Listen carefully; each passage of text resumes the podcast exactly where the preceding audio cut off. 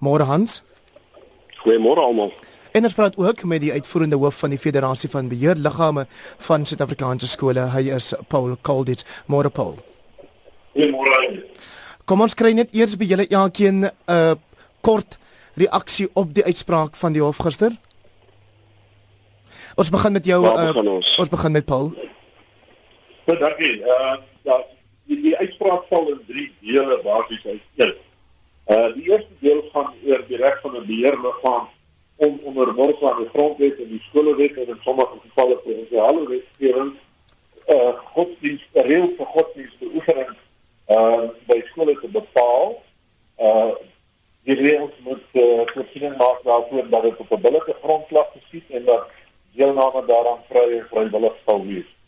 Uh dit is die eerste deel. Die tweede deel is gaan dan nou wat ons aanbetref oor die nasionale beleid oor uh godsdienst en onderwys. Uh en daardie beleid uh die hof bevind is inderdaad nie afdwingbare regsreëls waarvan skole noodwendig gebonde is nie. Dit is wel goeie riglyne vir skole oor hoe godsdienst in skole hanteer moet word uh, in al sy verskillende forme. En dan die derde ene is nou gegaan oor die spesifieke bevele uh so so wat 77 waarvan die meerderheid natuurlik van die hand gewys is en nie toegestaan is en daar is twee bevele sê in praktiese terme eintlik dat 'n skool hom nie mag uh akcepteer as ek dit sou kan stel as 'n skool met 'n bepaalde religieuse ethos ter uitsluiting van ander godsdienste nie. Ehm uh, dit sê dus nie dat 'n skool nie 'n bepaalde ethos mag hê nie. Uh hy mag dit net nie promoveer nie. Is dit ook jou interpretasie van die uitspraak Hans Petersen? Uh min of meer ja, Heinrich. Uh ek sou bietjie verskil van Paul daarso waar hy sê dat die uh die 70 plus ehm um, aansprake afgewys is dis nie werklik so nie. Dit het dood gesê dat die hof nie daaroor gaan beslis nie omdat weens die beginsel van subsidiariteit wat nou 'n tegniese punt is uh, dit op 'n ander manier hanteer moes word. So dit beteken nie dat dit ongeldig was of dat ons klagtes nie gronde het nie, is net dat dit op 'n ander wyse hanteer sal moet word. Maar ons is tevrede met die uitslag. Ons het die maaltyd gekry, al het ons nou nie die nagereg gekry nie. Uh dit is onomwonde gestel dat 'n uh, 'n uh, openbare skool mag hom nie vereenselwig met 'n spesifieke godsdienst nie en selfs in Klausule 91 uh hulle dan ook duidelik dat hy mag nie 'n godsdienstige ethos hê nie. So dit is vir ons reeds die deurslaggewende uh, beslissing waaroor ons geweldig verheug is en ons wil graag wil sien dat skole nou aandag gee aan hulle hulle etosse en dan die beleide wat hulle het. Wat beleide dan spesifiek betref, beteken dit dat ons nou op 'n geval na geval basis moet gaan en spesifiek die skole dan moet aanvat. Uh, maar wat die uitslag ook duidelik gemaak het is dat die provinsiale wetgewing en die uh, provinsiale regering spesifiek uh, nie hulle deel voldoende doen nie sodat ons sal dan die staatskant moet aanvat en dan wat die staat wie die staat verteenwoordig in die skool natuurlik is die skoolhoof. So ons gaan bietjie ons fokus nou skuif van die beheerliggame na die skoolhoofde uh en dan met hulle in gesprek tree en en seker maak dat die dinge reg gebeur. Paul net om dit uh, verder te voer, wat staan die skole nou te doen? Ons het gehoor Hans praat van 'n spesifieke ethos.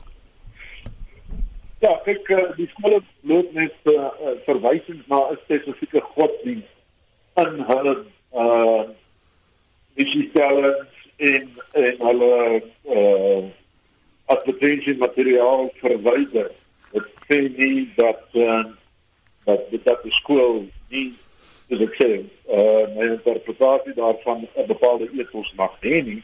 Dit mag eintlik in werklikheid dan nou net nie geaksepteer word ten koste van ander godsdienste. So 'n skool kan uh as ons nou veronderstel dit is byvoorbeeld 'n Christelike skool, nie sê dat dit 'n Christelike skool nie. Hy kan wel die waardes van die Christendom uh in sy missiestelling uiteensit onder om te sê dat dit noodwendig nou gebaseer is op op Christelike Christelike Christelike waardes en dan natuurlik verder ook uh en, en dit is ons in die staatsvoorheid gesê. Daar mag nie gediskrimineer word teen persone wat daardie visiestelling nie onderskryf nie. Daaroor is die skolewet ook baie duidelik al van 1997 dat persone wat nie die misiestelling van die skool onderskryf nie, kan nie op grond daarvan uitgesluit word nie. So dit is nie diskriminasie teenoor persone van ander oortuigings. Dis die stem van Paul Colditz hy is van Fetsas en ons vra verskoning vir die uh, swak klank hy is op die lughawe tans waar hy 'n vliegtyg moet haal saam met hom deel van hierdie gesprek is Hans Petersen van die organisasie vir godsdienstonderrig en demokrasie. Nou Hans ons weet julle vertrekpunt was skole wat 'n Christelike ethos uitleef. Ehm um, wat het jy te sê oor moslimskole? Absoluut dieselfde geld daar. Daar daar is geen onderskeid te tref tussen wat die godsdienstig sou wees wat die wat die skool aanhang nie. Dis my verbuisterend dat Paul kan sê dat 'n skool mag byvoorbeeld Christelik wees.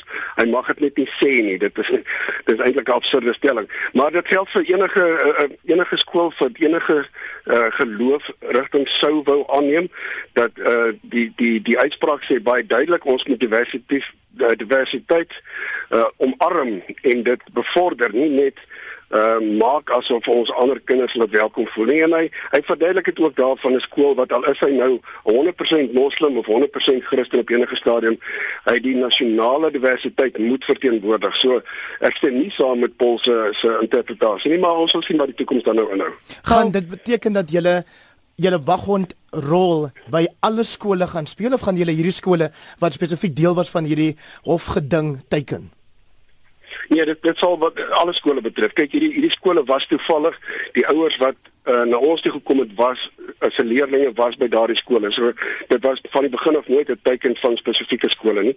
Dit was bloot toevallig dat ouers van daardie skole wat daar betrokke was na ons toe gekom het. So ons het nou meer ouers graag wil betrek. Ons het reeds ander ouers wat ons betrek het en ons sal binnekort op ons webblad ogod.org.za meer uh, inligting kan verskaf sodat enige ouer van enige skool in enige plek in die land by ons kan raad en en, en rigting kry. Paul, wil jy repliek lewer op Hans se kritiek?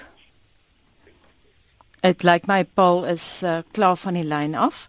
Dit dan um, ons het gepraat met die woordvoerder van die organisasie vir godsdienstonderrig en demokrasie Hans Petersen en dan ook met die uitvoerende hoof van die Federasie van Beheerliggame van Suid-Afrikaanse skole Paul Kolditz.